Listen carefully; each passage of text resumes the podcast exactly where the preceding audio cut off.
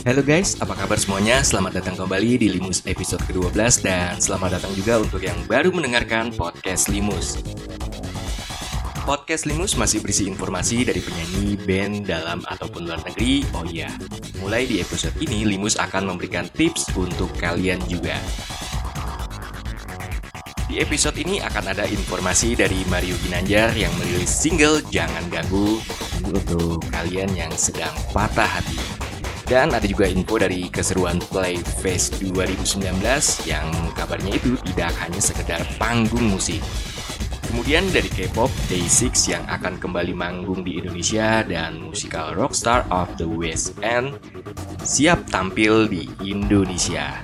Dan yang terakhir, bagaimana caranya untuk menumbuhkan ketertarikan anak untuk bermain musik. Kita mulai dari informasi yang pertama, penyanyi Mario Ginanjar merilis single barunya yang berjudul Jangan Ganggu. Melalui single teranyarnya, Mario Ginanjar membawa kalian yang sedang patah hati untuk melupakan kegundahan karena cinta. Dan menurut Ginanjar, beberapa di antara kita pasti pernah mengalami jatuh cinta pada orang yang salah, seseorang yang kita pikir adalah cinta sejati tetapi ternyata malah membawa bencana. Dan sampai akhirnya Dirinya sadar bahwa masih banyak bintang di angkasa raya dan memutuskan untuk move on maksimal. Pengalaman selalu menjadi sumber inspirasi terbaik untuk menciptakan lagu dan hal itu juga yang dirasakan Ginanjar ketika menulis lagu Jangan Ganggu. Lagu ini juga merupakan kado spesial untuk pecinta musik Indonesia yang sedang berusaha untuk move on maksimal. Dalam pengerjaan lagunya, Mario dibantu oleh dua sahabatnya, Inal dan Yoyok, yang merupakan ex personel Brown Sugar. Mario juga membawa konsep musik retro bernuansa Motown yang kental unsur gospel choirnya. Dan lagu ini juga terinspirasi dari Stevie Wonder dan Aretha Franklin. Lagu Jangan Ganggu ini berirama upbeat, ya si banyak brass section, backing vokal, dan terasa segar di tengah gempuran musik bernuansa elektronik. Dan ada pesan untuk kalian yang ingin menghilangkan kegalauan, Coba deh dengar lagu ini minimal tiga kali sehari. Pasti galau langsung hilang. Jadi, silakan dicoba. Kabar selanjutnya itu dari Playfest 2019. Perhelatan Playfest 2019 hari pertama yang digelar di Parkir Selatan Gelora Bung Karno Senayan, Jakarta Selatan pada Sabtu kemarin berlangsung meriah. Acara yang diinisiasi oleh Narasi.tv dan Backcraft itu menyuguhkan variasi hiburan yang berbeda untuk para pengunjung.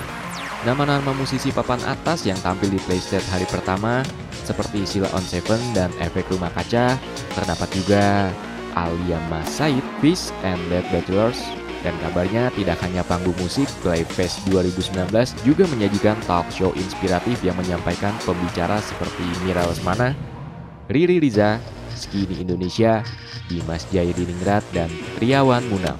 Seorang pengunjung, Grace Olivia mengaku sempat merasa menyesal karena tidak membeli tiket untuk keseluruhan acara.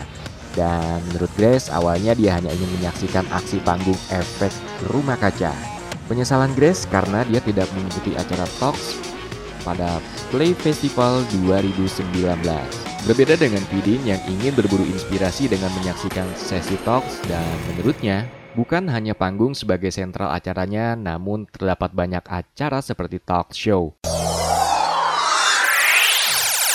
Dan kabar terakhir dari penyanyi dalam negeri, Didi Kempot yang kabarnya itu segera merilis album fisik bertema Patah Hati. Dari keterangan kompas.com, Didi Kempot membenarkan hal tersebut dan ia juga menjelaskan ide pembuatan album fisik premium tersebut bersumber dari Erik Endang Sukamti, Nama Erik Sukamti memang dikenal sebagai inisiator perilisan album fisik premium dengan kemasan box set dan Didi juga mengatakan lagu-lagu yang akan ada dalam kemasan tersebut seperti Cidra hingga Sewu Kuto. Dan menurut Didi, album fisik merupakan sebuah apresiasi dirinya kepada penggemarnya yang dikenal sebagai Sobat Ambiar.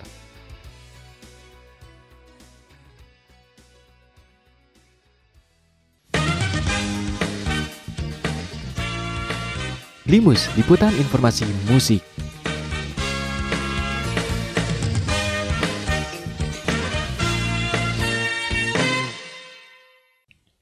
Informasi selanjutnya kita mulai dari K-pop. Grup band asal Korea Selatan, Day6 yang kabarnya itu akan kembali menggelar konser di Indonesia.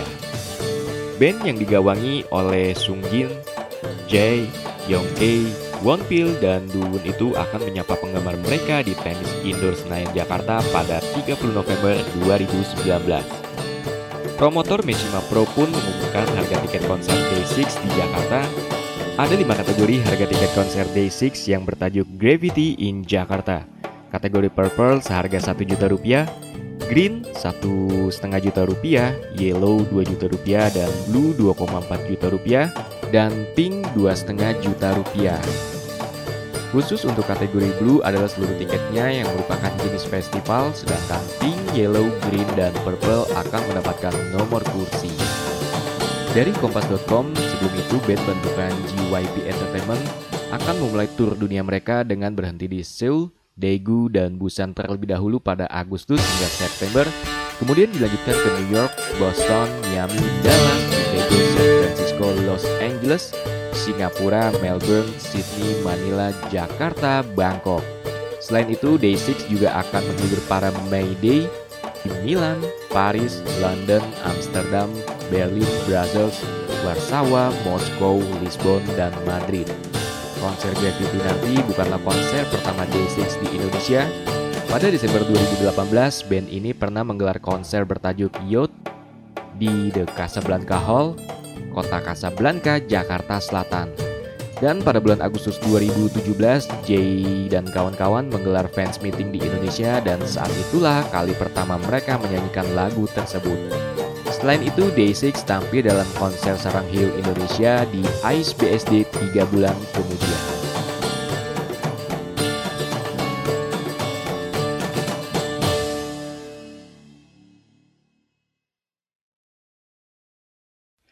Dan selanjutnya musikal Rockstar of the West End siap tampil lagi di Indonesia.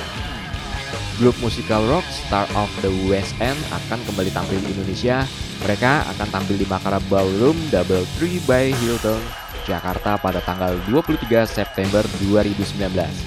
Sebelumnya, grup musikal rock ini juga pernah berkunjung ke Indonesia pada tahun 2017 dengan formasi empat musisi dunia yaitu Mike Sterling, Shona Lindsay, Tom Solomon, dan Yildiz Hussein.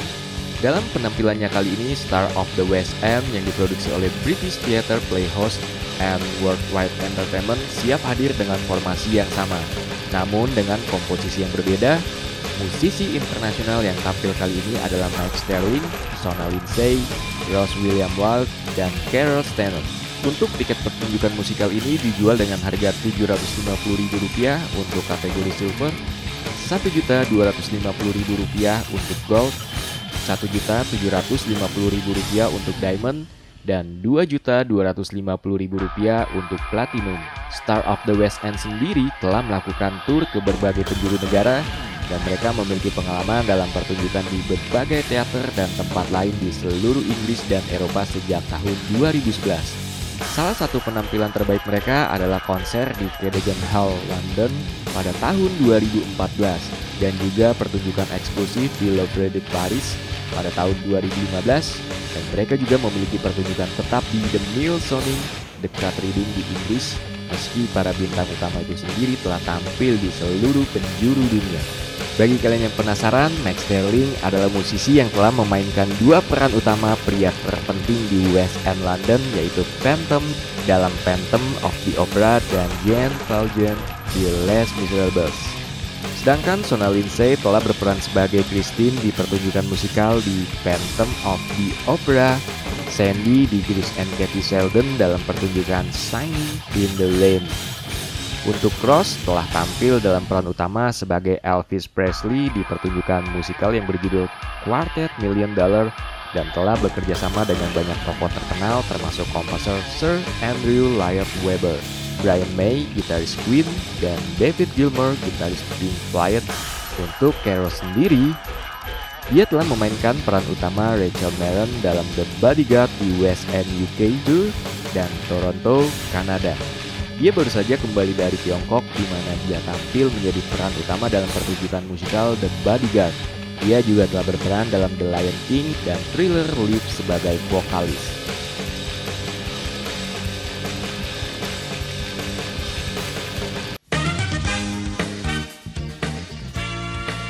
Limus, liputan informasi musik.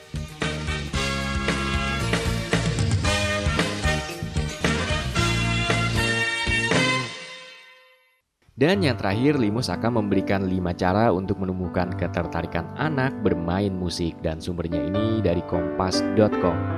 Sejumlah riset membuktikan bahwa anak yang banyak beraktivitas seputaran musik memiliki prestasi akademik yang baik.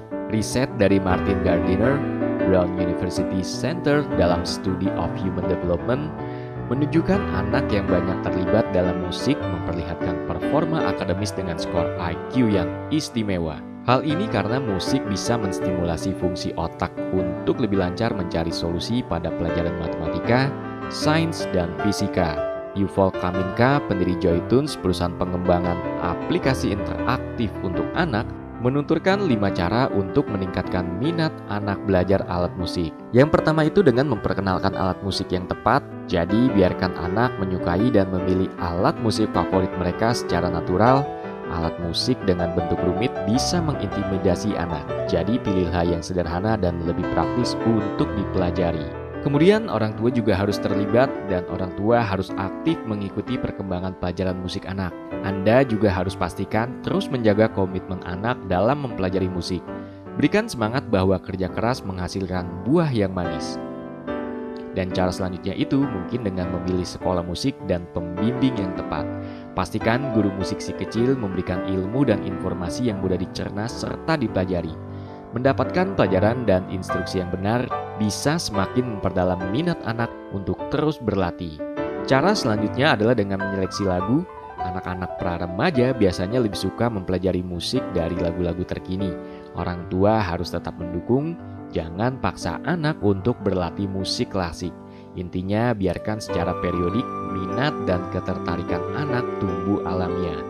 Dan cara yang terakhir jadilah penggemar nomor satu. Kemampuan anak dalam bermusik tidak harus selalu di atas panggung besar. Puji dan dukung anak saat bermain musik meski hanya di sekitar rumah. Anda pun bisa menciptakan sistem penghargaan untuk anak ketika permainan musiknya terus membaik. Tujuannya tentu saja agar anak terus bersemangat berlatih musik. Itu informasi yang Limus berikan di episode kali ini. Semoga bermanfaat. Sampai jumpa dan tetap semangat. Saya Manutun Arwan pamit. Terima kasih.